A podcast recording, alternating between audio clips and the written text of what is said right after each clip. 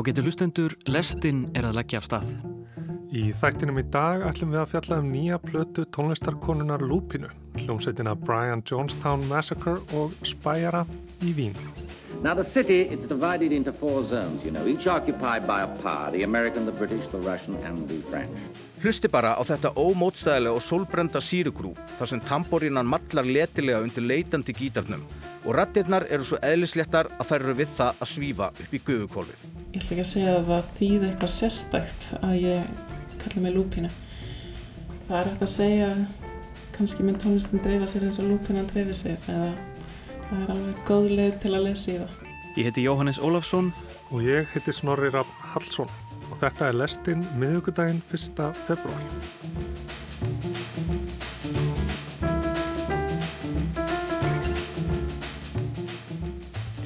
Við ætlum að byrja á gráu svæði á mörgum hins löglega og hins ólöglega.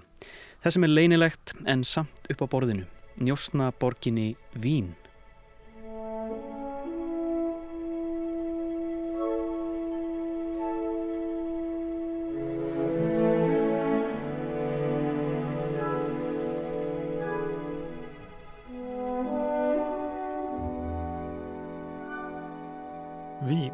þessi fyrrum höfuðborg hins glæsta Habsborgarveldis sem tegði ánga sína frá Forarlberg til Trieste við Adriahafið.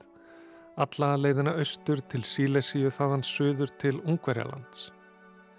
Hér eru kopar klættar hallir, ognar stórar kirkjur og óperuhús þar sem tónlistin ómar í sífellu. Haydn, Schubert, Straussarnir og Schönberg, Beethoven, Mozart, stundum Falko. Arkitektúrin er þrútin og bólkin, hér drab, lós, skrautið og sletti vekkina, allt svo stort og þungt og mikilvægt að stundum er eins og húsin séu við það steipast yfir mann. Í þrúandi sumar hitanum við erum sunnar en maður hefði haldið hundruðu kílometra frá næstu hafgólu er hinn bláa dóna á mannsins eina von.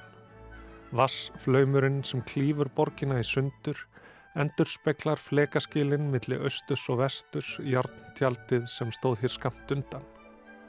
Hér byggu Hitler, Stalin, Tito, Trotski og Freud allir á sama tíma. Við erum í ringiðinni, við erum í miðri álfunni. Á veturna veita kaffihúsin kærkomna kvíld frá kuldanum sem þó er mildur. Þar er háttiloft, vitt til veggja, eina tónlistin, botla og diskaglamur og sargandi espressovélar sem spúa út úr sér sótsvörtu kaffinu að hætti staðamanna. Fortíðin snýr aftur um stund, eða kannski fór hún aldrei neitt. Hér er allt eins og það hefur alltaf verið, verður þannig eitthvað áfram. Og undir þessu öllu saman eru holræsin. Og í holræsunum er ekki bara að finna róttur og regnvatn, heldur spæjara.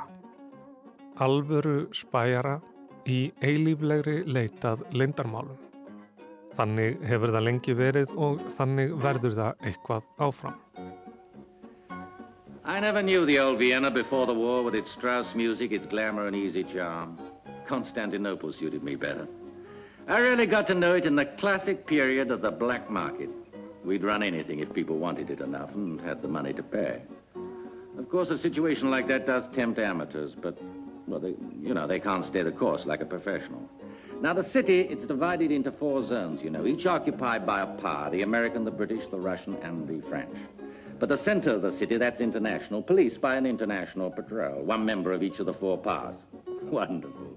What a hope they had, all strangers to the place, and none of them could speak the same language, except a sort of smattering of German.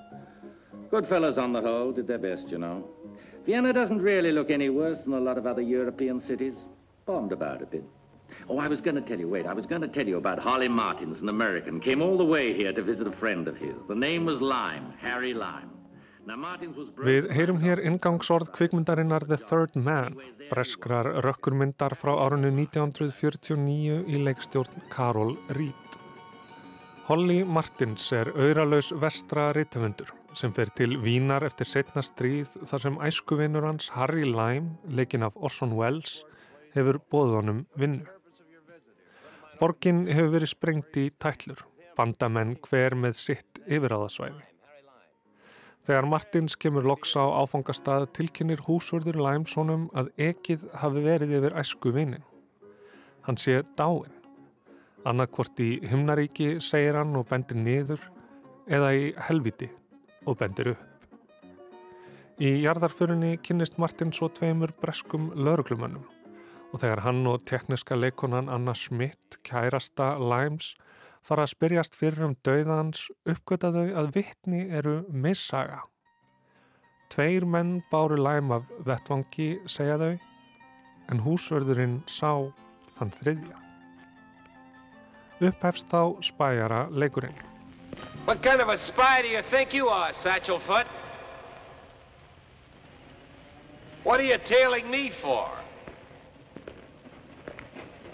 Cat got your tongue? Come on out. Come out, come out, whoever you are. Til að gera langa sögustutta er Læm sjálfur sá þriði, þessi í tillinum. Hann er sprell levandi en á flotta vegna svarta markaðs brasks með stólið og útþynt pensilín sem kosta hefur fjölda fólks og fjölda barna lífið. En hvernig komst hann undan? Jú, í gegnum holræsin. Holly, I'd like to cut you in, old man. There's nobody left in Vienna I can really trust, and we've always done everything together. When you make up your mind, send me a message. I'll meet you any place, any time. And when we do meet, old man, it's you I want to see, not the police. Þrátt fyrir Bón Læm eða öllu heldur dulda hótun hans um að hitta Martins en ekki lökkuna næst lofar Martins að hjálpa til við að góma Læm.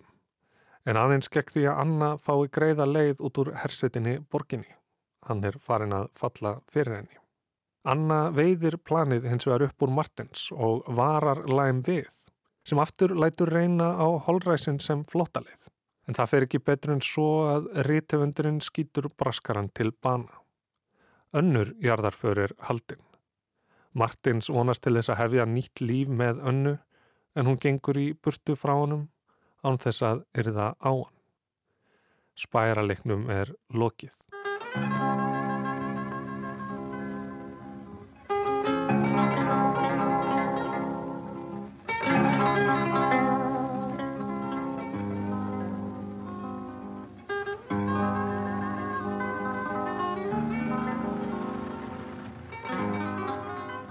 Vín er að mörguleiti kjörinn borg fyrir njósnir.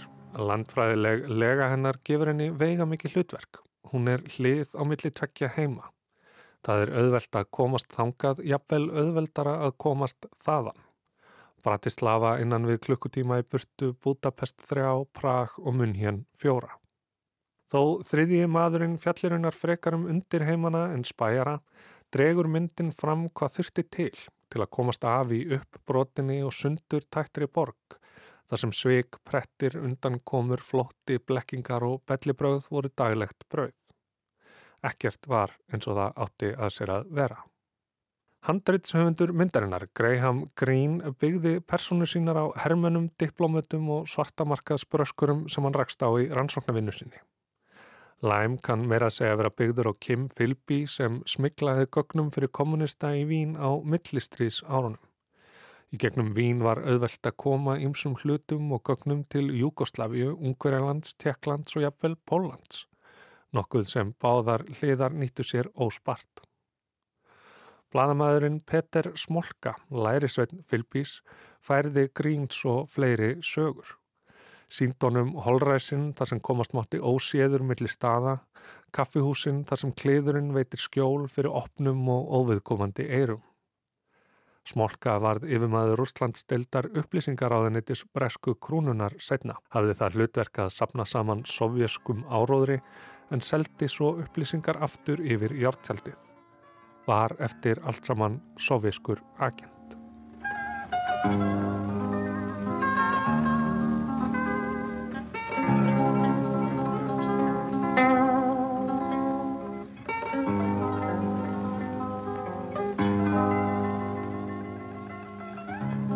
Þessum tíma sem myndin gerist á eftirstrís árunum við upphaf kaldastriðsins var mikið um að vera í Vín. Hús voru endurreist, ný voru byggð. Því borgin var full af flottamönnum og þessir flottamenn þurftu nöðsynlega að finna leiðir til að eiga í sig og á. Og fyrir vikið voru þeir tilbúinir að selja leini þjónustum, erlendum leini þjónustum upplýsingar. Sumir letu aðeins uppi það sem þeir gáttu lesið í dagblöðum höfðu eitthvað upp úr því en aðrir gengu lengra og innan skams var krökt í vín af njóstnurum sem gerðu borgina að leikvelli sínum og þeir hafa ekki farið neitt. Welcome to Vienna, Benji. Miss me? Ethan, where are you? Where the hell have you been? Það er solbjartur dagur í júli 2010. Tvær flugvelar lenda á allþjóðaflugvellinum í Vín. Önnur kemur frá New York, hinn frá Moskvu. Það er leggja hvor hjá annari. Svartur sendiferðabill ekur fólki á milliðara. Eftir 90 mínútur er flugvilunum lokað og það er halda heimaleið. Svo látlaus og fyrir allra augum voru stærstu fangaskipti milli bandarækjana og Rúslands frá 1986. Tíu njósnarar snýru aftur heim til Rúslands, fjórir til bandarækjana. Í Östuríki gilda nefnilega afslöpuðustu njósnalög í heimi. Þau hafa ekki verið uppværið frá því keisaradæmið fjall, jafnvel þó tvær heimstyrjaldir og kallt stríð hafi orðið í millitíðinni. Talið er að um 8000 spæjarar búi í Vín, margir jafnvel með fjölskyldum sínum. Það þýðir að einn af hverjum 250 íbúum borgarinnar er ekki sá sem hann segist vera. Og það sem meira er, Svo lengi sem þeir njósnekki um Östuríki og meða engan fá þeir að starfa svo gott sem óáreittir. Og nægar eru upplýsingarnar sem njósnararnir geta sótt. Einar af fjórum höfustöðum saminuði þjóðana eru í Vín, 40 aðrar alþjóðastofnanir, OPEC, ÖSE, alþjóðlega kjarnorkustofnunin. Mörg ríki hafa því tvær eða jafnvel þrjár diplomatískar sendinemdir sem ekki bara vita margt um eigið ríki heldur hilma yfir alla þessa njóstnara sem njóta þá diplomata friðhelgi. Flestir virða þeir vínarreglunar, halda í hefðina sem leifir þeim að gera það sem þeir vilja. En undanfarið hefur orðið örlítill brestur á því.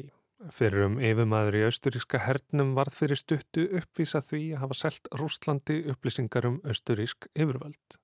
Rússar hafa einnig gert netar á austurísk tæknifyrirtæki til að komast yfir gögg þeirra og brjótið þar með löginum að njósnekkjum austuríki. Og nú síðast er þeir grunaður um að hafa brotið hinaregluna að valda engum skada. Ega þeir að hafa beitt örbylgjugesslum á starfsmenn bandariska sendiráðsins. Örbylgjugesslum sem valda höfuðverkjum, blóðnusum, jafnvel einhvers konar heilarheistingi. Þetta er þó bara grunur og þetta er bara kenning En það er aldrei að vita nema ég segi ykkur betur frá því við tækifæri síðar, kæru hlustendur.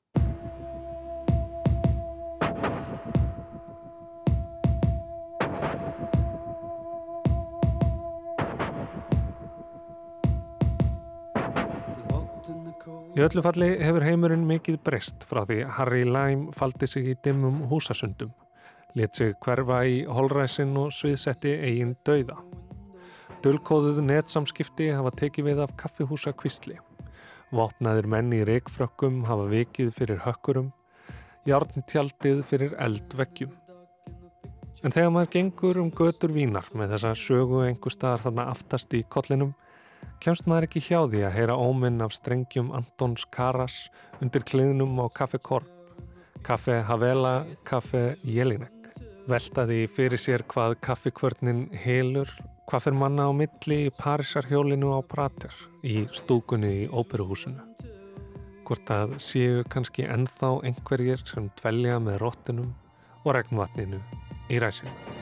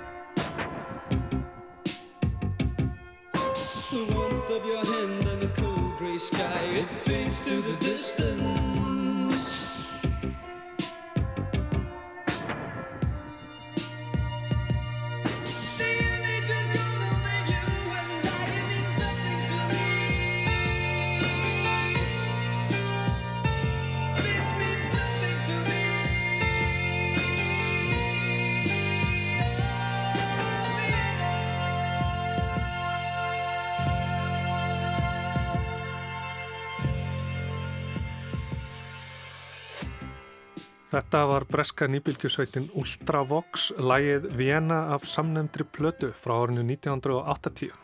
Þegar lægið kom út sagði söngvarinn Mitch Júr í viðtölum að lægið væri innblásið af The Third Man. En sagði svo setna hann hefði bara logið í, lægið fjallið um ástasamband sem endist stutt í njósnaborginni miklu.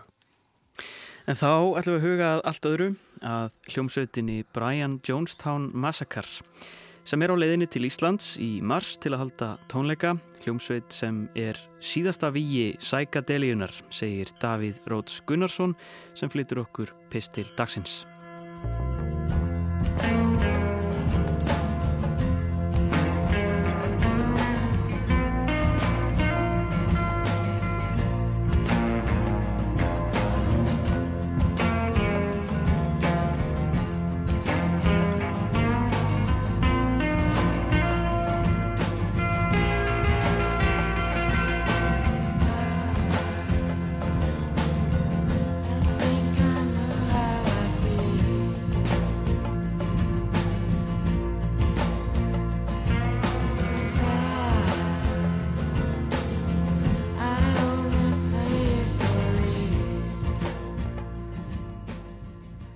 3. mars næstkomandi hefur eitt helsta flagskip síkadeljunar í samtímanum, kvöldsveitin The Brian Jonestown Massacre, búið að komu sína á svið gamla bíós. Tónleikarnir eru liður í kvart aldar ammæli plötubúðurinnar, útgáfunar og nú síðast barsins 12 tóna. Brian Jonestown Massacre leika á Íslandi síðast árið 2006 en forspræki þeirra, Anton Newcomb, hefur síðan þá myndað mikil tengsl við Ísland. Ekki síst Cycrock sveitina Singapore Sling og senuna þar í kring. En nú um stundir leikur Íslendingurinn Hákon Aðalstinsson með The Brian Jonestown Massacre.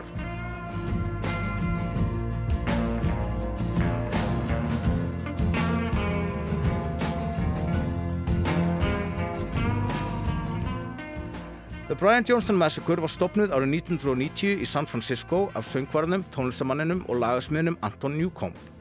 Nafnið á hljómsveitinni er dreyið af góðsagnakjanda gítarleikurunum Brian Jones sem var eitt þeirra sem stopnaði Rolling Stones en rekin vegna ómikil sukk sumari 1969 og fann svo látin á botni sundlugar stuttu síðar. 27 ára gamall og því mikill frumkvöðl í rockstjórnu döðdaga. Setni helmingu nafnsins er svo vísun í domstagskvöldið The People's Temple og dýrulegt 900 manna fjöldar sjálfsmorð sapnaðarins í bænum Jonestown mitt í frumskói Guyana 1978.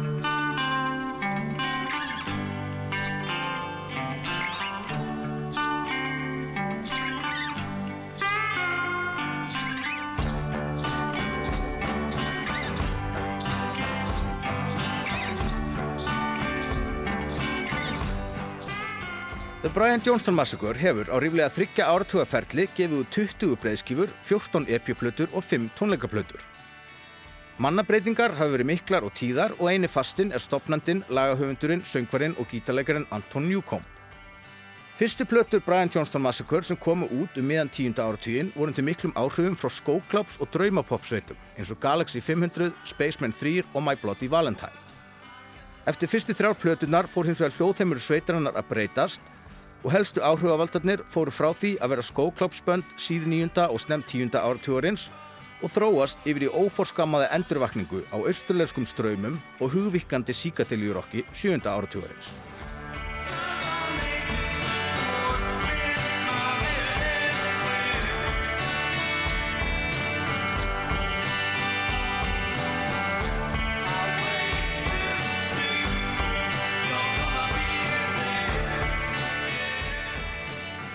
Hérna heyrum við lagi Straight Up and Down af þriðju plötu Brian Johnston Massacre sem er í setni tíð eitt af þeirra þekktustu lögum. Ekki síst því að það var notað sem upphafslag þáttuna Boardwalk Empire á sjómarstöðinu HBO.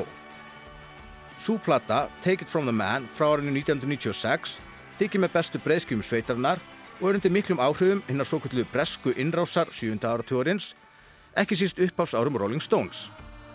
En líka frá glamrock tímubili David Bowie sem er tilenga lægið David Bowie I Love You Since I Was Six sem vittnur óbeint í Space Oddity og fleiri Bowie-lög.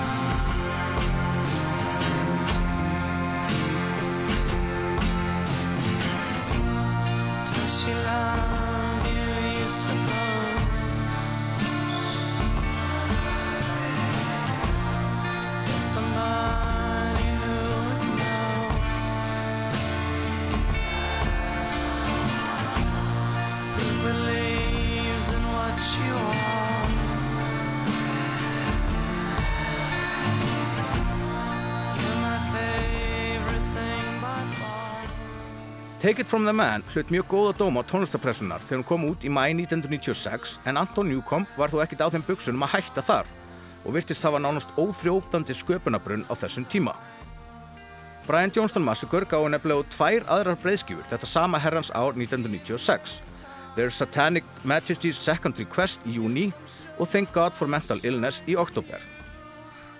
Titill Their Satanic Majesty's Second Request vísar auðvitað í dáða plötuðu Rolling Stones frá 1967 en á skífinu gera Brian Johnston Massacre mikla tilraunir með hljóðheiminn og færa í átt hugvikandi rock síð sjönda áratugurins vinna til dæmis með indverska drónspeki, sítara, mellotrón, farfísuorgel, didgeridoo, tabla og kongotrómur auk klukkuspils. Það eru lögaplötinu til einhver Stones og Donovan og það er haft eftir látna kokkinum og lífskunstjörnum Anthony Bourdain að Anemone sé eftirleiti slæðans. Hlusti bara á þetta ómótstæðilega og sólbrenda sírugrúf þar sem tamborínan mallar letilega undir leitandi gítarnum og rattirnar eru svo eðlisléttar að þær eru við það að svífa upp í guðukvolfið.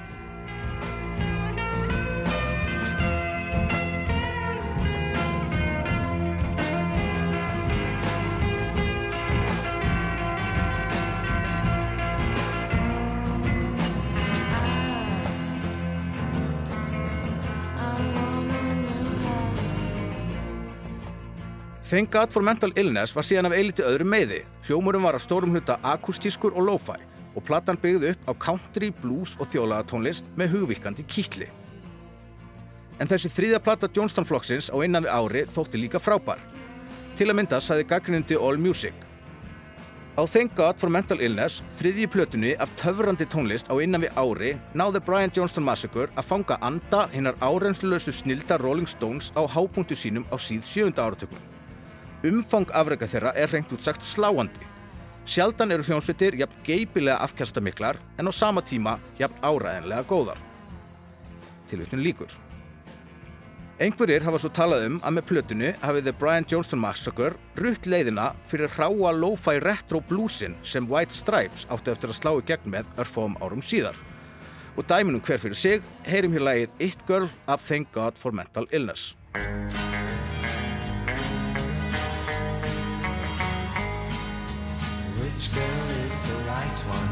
The perfect one for me? If I glanced in her direction, would I know which one she'd be? But she looks so good that I wish I could. But she looks so The Brian Johnston Massacre gaf út fjórar plötur á næstu árum við ágættisviðtökur Dix en ekki sérlega stórs aðdándahóps. Þeir náðu einhvern veginn aldrei virkilega í gegn til mainströmsins eða breyða indie-hópsins. Árið 2004 kom síðan út hinn stórmerkilega heimildaminn Dig sem var tekin upp á sjö árum og speiklaði sögu The Brian Johnston Massacre í Portland bandinu The Dundee Warhols. Báðar hljómsveitir voru undir svipuðum 60s áhrifum og nokkus konar vinabönd í upphafi en síðan slettist upp á vinskapin hjá forsbrokkunum Anton Newcomb og Courtney Taylor Taylor. Í myndinni er Newcomb málaðir sem sérlundaður og erfiður snillingur markaður mikilli eitulífaneyslu sem neytar að gera málamiðlanir með list sína og er þess vegna dæmdur til neðanjara kvöld. meðan að The Dandy Warhols selja lag í Vodafone auðlýsingu og sigra heiminn í kjölfarið með laginu Bohemian Like You árið 2001.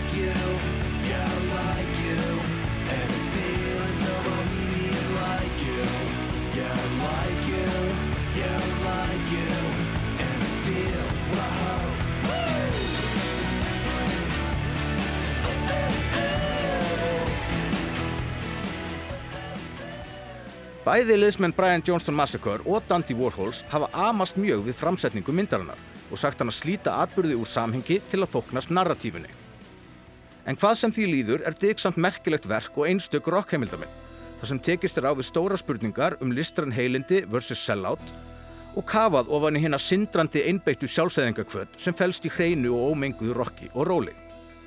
Það mál telja líklegt að myndin og vinseldir hennar hafi aflað The Brian Johnston Massacre ótal nýjum aðdáðandum á tímapunkti þegar fræðarsól þeirra var eilitið sígandi.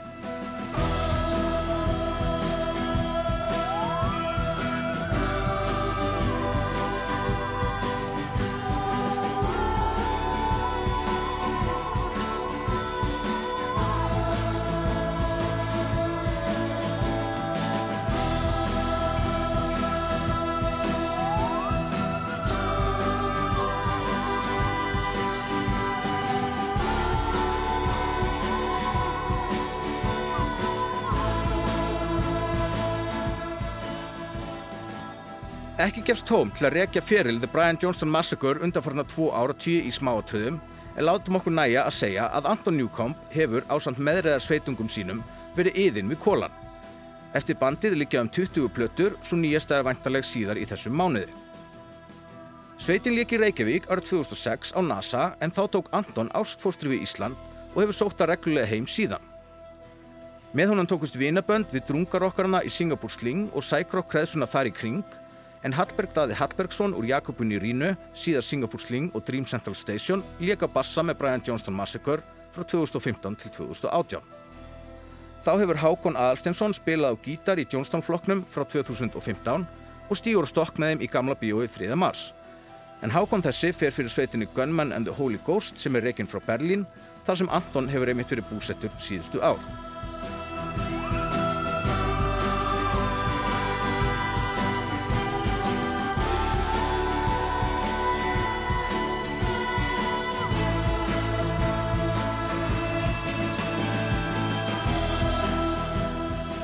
Nú er mikið rætt um hugvíkandi efni sem laust fyrir kulnaða efri millistjætt í örvendingafulli fálmi eftir fyllingu til að tróða í gapandi tómið innra með sér. En kannski er Anton gamli Newcomb, sem ég held að sé sjálfur hættur allir vímjöndunolkun, síðasti útvörður alvöru síkatilju í samtímanum.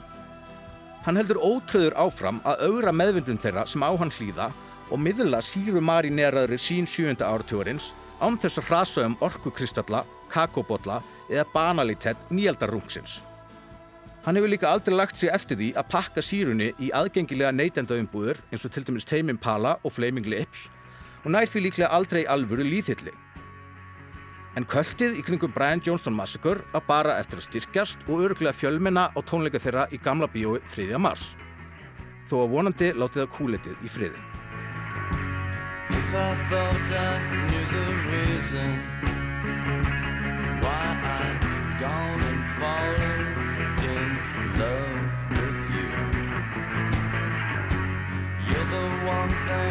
Thing I believe in, and I know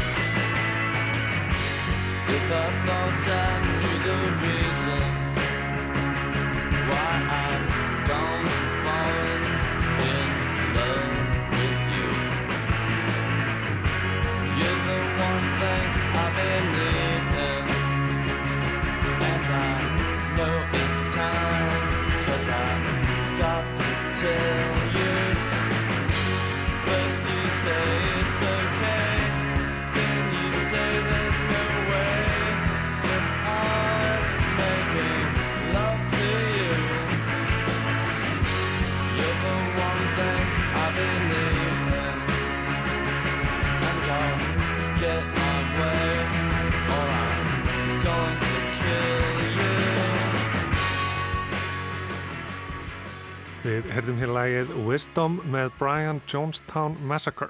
Davíð Róts fjallaði um hljómsveitina sem spilar hér á landi í næsta manniði. Við höldum okkur við tónlistina og hugum að nýrri íslenskri plötu. Báður tvíburar hittumst í janúar Man ekki hvernig allt var visslur og heimalastur Hugsuðum saman eins og ein En tíminn flýgur, við breytumst urðum ekki Tónlistakonan Nína Solveig Andersen sem gengur undir listamannanafninu Lúpína gaf nýverið frá sér sína fyrstu soloplötu sem kallast Ringluð. Reynsla hennar af námi í norska tónlistaskólanum Limpi og samstarf hennar við samnemendur sína hefur haft mótandi áhrif á tónlistina og framleiðslu hennar. Nína er hálf íslensk og hálf norsk, fadir hennar er frá Noregi en búsettur á Íslandi og Nína hefur alist upp hér á landi. Hún flutti til Lillehammer árið 2022 og sótti nám við Limpi tónlistaskólan. Eftir námið fluttist hún til Oslo þar sem hún er nú búsett og vinnur að tónlist sinni. Ég sló á þráðinn til Nínu í dag.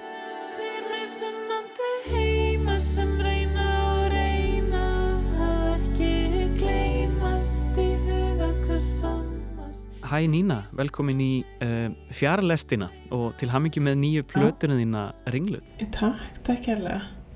Gaman að kalla þetta fjarlestina. Þú fluttir nýlega til Noregs um, og ert hálf norsk en, en þú er ekki búið í Noregi áður. Hvernig, hérna, segð mér aðeins bara hvernig, hvernig það var, hvernig er, hvernig er lífið í Oslo? Lífið í Oslo er mjög fínt. Sko, ég flutti fyrst til Noregs fyrir einu og hálfu ári síðan þegar ég byrjaði í námi í Lillehammer þá. Og það var eiginlega bara, ég var alltaf að hugsa eftir mentaskóla væri gaman að ferðast eitthvað og svo fyrst ég er hálfnorsk og það er ekki svo langt að fara þangað. Það hugsa að það væri fínt fyrsta stopp eða fínt að já, fara þangað og fann fínan tónlistaskóla þar sem að ég uh, komst inn í og var þá í einsásnámi þar. Segð mér aðeins frá þessu námi, þetta er, uh, heitir Limpi, þessi skóli. Hvernig, hérna, hvernig fer það nám fram? Hvernig eru áherslunar í, í þessu tónlistanámi? Þetta er mjög svona verklegar áherslu, getur maður sagt. Allt námið snýst um að semja tónlist og eiginlega bara, já, hver einasti dagur þá eru við, þá eru okkur ræðað niður í stúdíu, bekkjafélagum þá saman, oftast þreim og þreim saman. Og verkefnið er þá alltaf bara að semja nýtt lag. Og við fáum stundum svona, eða fengum stundum svona ykkur leiðbynningar að við ættum að hafa láta lagi fjallum eitthvað persónlegt eða hafa þrjú hljóðfæri eða eitt hljóðfæri eða eitthvað svona, eitthvað smá beinagrindur. En þetta var mjög opið alltaf til þess að já, gefa okkur pláss til þess að semja það sem við vildum semja. Og ég myndi segja þetta sé mjög frábriðið flestum skólum út af því að þetta var ekki eins og ég væri í tímum eða það voru mjög sjaldan sem að voru tímar þar sem ég sast neður og tók glósur og ég fór ekki neinn prófi eða neitt svoleiðis en það var meira þá bara að búa til svona uh, ímynd eða já, búa til útgafa af tónlistabransanum inn í skóla sem var mjög gaman og mjög lærtamsríkt. Hvernig fólk sækir þetta nám? Úr hvaða, úr hvaða áttum er, er fólk að koma? Það er alls konar fólk sko, það er svona, já ég fór í þetta nám bara beint eftir mentaskóla og það var svolítið svona tvískipt, það var eins og væri ákveðna hópur sem var svona 20, 21, 22 og svo ákveðina hópur sem var 28, 29, 30 þannig að það var mjög fjölbreytur hópur og líka frá mörgum mismjöndi löndum það var alveg, já nú veit ég ekki alveg hversu mörg lönd voru þarna en það var alveg já, öll Norðurlöndin og Þískaland og Ítalía, Spán, Hong Kong, Singapur bandaríkin já, fólk frá mörgum mismundu löndum en samt mjög lítill hópur. Við vorum bara 48 held ég, já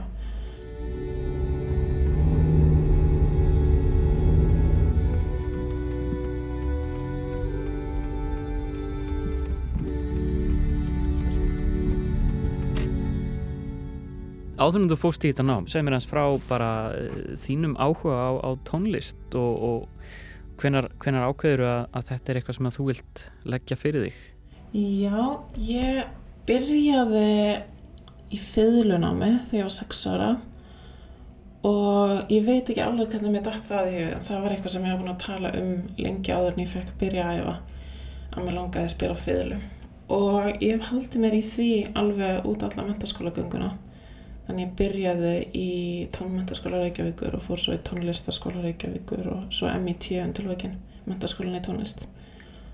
Og já, samt samhliða mentaskóla í MH en svo fór ég að semja svona já, ég byrjaði að semja eitthvað smá fiðluna þegar ég var yngri en fór svo að taka ég meira alvarlega þegar ég fór í námskeið sem heitir Snældan sem að Lógi Petró, Unstedt Manuel og Jófríður Ágadóttir heldum í byrjun árs 2019 held ég. Og þá lærði ég að pródusera þau kemdu mér á Ableton. Og það var það tíu stelpur sem að komast inn í þetta á þetta námskeið. Og ég held að það hafi verið einn mánur þar sem að við vorum alveg já þrísvar í viku held ég á fullu að bara læra á þetta forrið og þau voru svona að kenna okkur að koma okkur að stað í þá lagasmiðum og próduksum og mér líður eins og þetta námskið hafi hjálpað mér mjög mikið bara ennþá þann dag í dag að ég nota Ableton á hverjum degi næstu því og það er veginn alltaf það kemur að svo góða notu um að skilja hvernig upptökuferðlið og allt svo leiðis gengur. Þannig að já, þá var þetta svona miklu meira alvarlega og ég fór að gera meira af lögum og reyna að klára lög og svo leiðis Manstu hvernig dagarnir liðu svo satt Gerðum ómerkinlegar Stundir ógleymanlegar En uh, þá bara að þessari tónlist uh, þinni, nýju tónlist, þú ert búin að vera að gefa út, hérna, þú gafst út nokkura singla af uh, þessari plötu sem nú er komin út mm -hmm. í fyrra Mikið. og og nú er ringluð platan komin út í heilsinni. Hvernig er þessi tilfinning að gefa út heilstæða plötu? Er það, er það léttir? Finnst þér einhvern veginn þessi kapli að klárast eða er þetta bara svona núna fyrst í, í lausu lofti og, og þú bara býðir eftir viðbröðum? Uh, mér finnst þetta aðlega vera léttir. Það er svona, og já, þetta er eitthvað svona kaplaskil finnst mér. Um, já, mér líður ekki eins og þess að mér fannst eiginlega smá skrítið þegar platna kom út út af því að þá var alveg meirinn mánuður sem ég kláraði hana sjálf og þetta er allt eitthvað svo langan tíma í þessu útkáfuferli þannig að þessi áfangi var einhvern veginn komin hjá mér einhvern tíman í byrjun desember. Og svo allt í enu í janúar þá þá var svona, ó já núna er þetta að koma út. Og þá var einhvern veginn en þá var ég smá búin að finna fyrir sem léttið þannig að um, já, þetta sé, já, líka bara mjög þægilegt og það er mjög gaman að heyra hvað fólki finnst og já, að fólk sé að hlusta nýtt fólk sem er að heyra tónlistina líka þannig að góð tilfinning myndi ég segja Og hvað þessi, þessi tónlist sem er á þessari plötu, hvað ertu búin að vera að vinna í henni lengi og hvenar, vissur að það væri að væri hérna plata? Sko ég er búin að vera að vinna í þessum lögum alveg síðan ég byrjaði í náminu í Lillehammer og öll lögin eru saman sem þá skólaverkefni í skólanum. Og sem er svolítið skemmtilegt þegar ég var að byrja að samja plötuna þá eins og til dæmis fyrsta lægað plötun sem heitir Allein ég samti það bara í byrjun oktober 2021 þegar ég var nýflutt út og nýbyrjuð í þessu nýja námi. Og þá hafði ég ekki hugmyndum ég veist svona, já, ég held eila að ég væri komin inn á skóla sem pródusent og ætlaði mest bara já, vera baku tjöldin hjá verkefnum annara og var svo einhvern veginn fengin í að vera þá sem ég lag fyrir mig í einum af hópunum. Og þá var til lægið Alein. Og þá leiði mér svona alltaf eins og ég hafi fattað með því lægi að ég gæti gæti sami tónlist sem að ég syng og flyt og sem kemur frá mér og smá saman einhvern veginn þá eins og námið leiða já, námið gekk þá urðu til fleiri og fleiri lög. Og svo var það ekki fyrir nefndir lokin einhvern tíman í mæ, júni þegar ég var að spjalla við kennara sem kom. Það var umbóðsmaður frá LA sem að kom og var með fyrirlestur hjá okkur. Og ég spjallaði hans við hann eftir tíman og var að tala um að mér alltaf langar gefa út plötu og þegar ég hlusta tónlist hlusta ég mest bara á plötur þannig að mér fannst einhvern veginn eins og að gefa út singla og þannig væri ekki alveg eða ég hefði meira áhuga að gefa út heila plötur. Og þá gaf hann mér svona smá uh, svona síndi mér hvernig það er oft gert og gaf mér smá svona dagatali yfir hvernig er sniðugt að hvað er gott að hafa marga vikur með singla og hvernig er best að skipulegja sig og svolítið. Svo hvartu mig til þess að bara taka saman uppáhaldslög frá náminu og gefa út í plödu. Og ég ákveðilega bara, ég fylgdi eða bara öllu sem hún sagði og gerði það. Þannig, og það var þá, þá var ég búin að semja eitt lögin þegar ég ákvaði að það skildi verða að plata.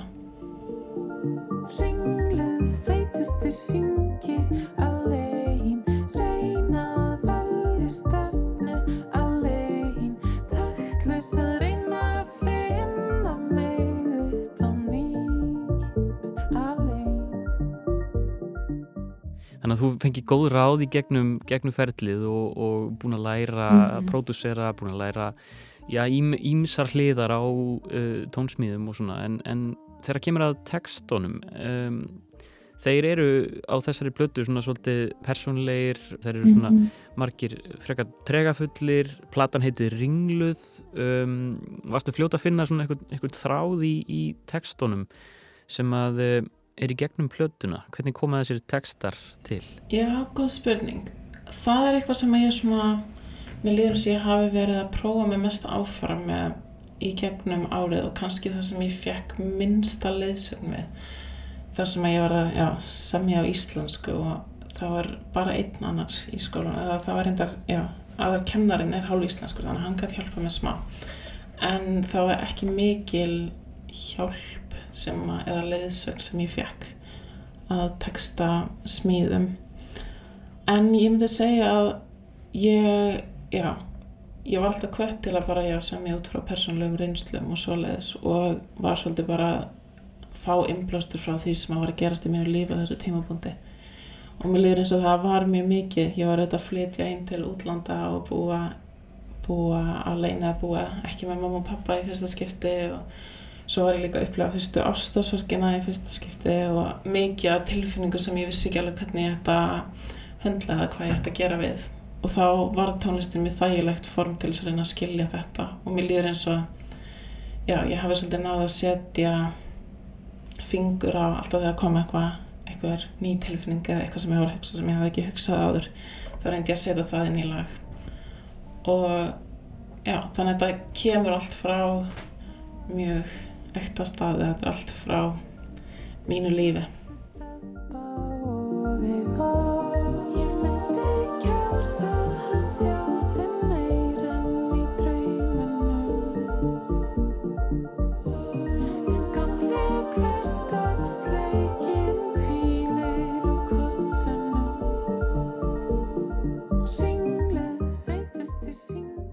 Er eitthvað trend í gangi? Er eitthvað sem að, eitthvað svona, maður svona mælir aðeins púlsinn á, á, á poptónlist? Ég menna, er eitthvað svona sem að þér finnst vera einkenna þetta sem þú ert allan búin að vera að hrærast í? Er ekki fleiri og fleiri farnir að já, svona vinna meira sjálfstætt einhvern veginn? Því að núna alltaf eru við búin að vera í mörg ár uh, þar sem fólk á sífælt auðvöldra með að gera hlutina sjálft og gefa tónlistina út sjálf. Er eitthvað, svona, er eitthvað, er eitthvað að koma upp úr því sem þú tekur eftir?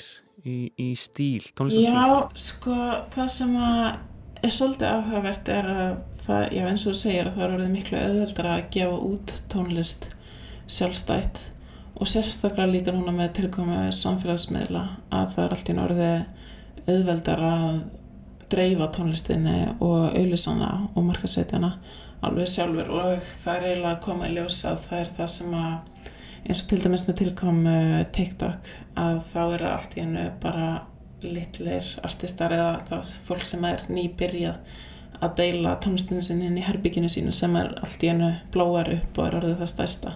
Og þá einhvern veginn hafa plötufyrirtækin rosa lítið vald við því sem er mjög skemmtilega þróun að sjá að það er svona verið að taka smá verið að taka völdin frá plötufyrirtækjanum með þeirri þróun en ég veit samt ekki hvort að hversu mikið áhrif það hefur á tónlistina sjálfa eða tónlistarstílin en það er kannski meira að já, fólk hefur meiri völd til að gefa út það sem að því langar að gefa út og já, kannski verið meiri fjölbreytilegi þá, ég veit það ekki. Getur vel verið. En svo líka eins og eða þú veist að segja að fólk sé að gera tónlist meira einn en mér líður eins og það sé kannski allavega út frá því námi sem að ég var í þá var allt, það snerist allt um samvinnu og að vinna lögin saman. Þannig að mér líður eins og það sé smá öfug þráun að það sé kannski fólk að vera já, fleiri og fleiri á öllum lögunum og þá var alltaf sagt að já, því að það er oft gott að fá skoðanir hjá sem flestum og reyna ná út það besta hjá öllum til þess að uh, já, ná bestu útkominu þannig að já, það er kannski bæðu en það er auðvitað fyrr rosa mikið eftir fólki bara hvað, hvernig, það, hvernig þeim finnst best að vinna.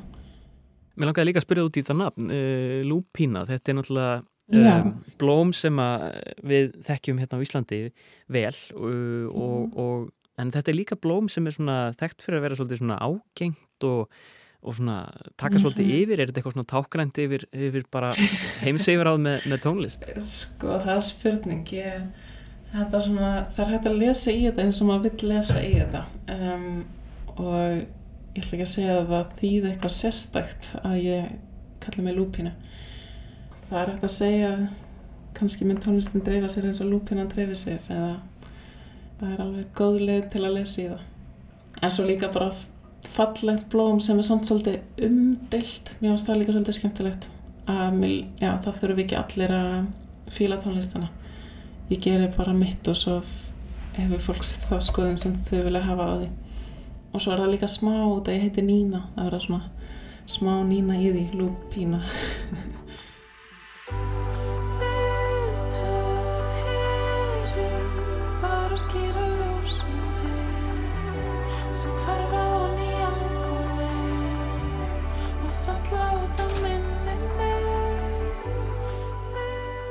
Það er nóg framundan hjá þér, hlýtur að vera Eh, Ertu búin að vera að hugsa eitthvað með tónleikahald og, og svona koma fram og, og koma þessari plötu á, á framfæri? Já, mér langar mjög mikið koma henni á framfæri live og ég er svona já, farin að vinna í því að setja saman live útgáfur og sjá hvernig ég vil hafa það.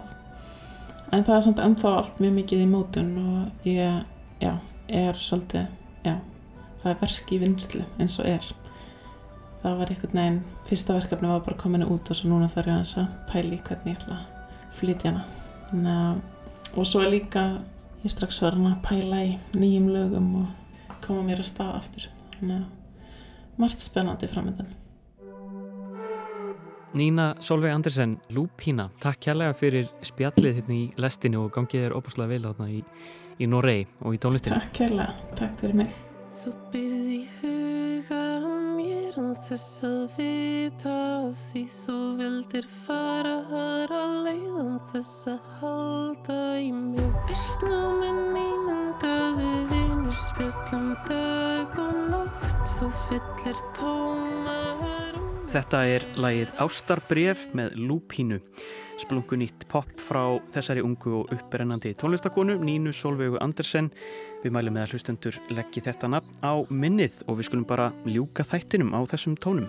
Já, lengri verður lestaferinn ekki í dag við Snorri og Jóhannes þökkum fyrir okkur. Tæknimaður var Lítiða Gretastóttir, við verðum hér aftur á sama tíma á morgun. Verið þið sæl. Verið þið sæl. Og tíminn líður, ég breytist en get ekki sagt Þú gleymist frekar, ringluð frekar Vona smá þér líði eins Ég tek eitt skrif áfram en tvö tilbaka Eitt að fara að læra hatt og hægt að senga sig að saga. Er svo sár, þurka tár, er svo sár heil þrjú ár. Byndi vaskin, ég veit ekki hvað, ég veit ekki hvað ég að gera svo. Ég skrifa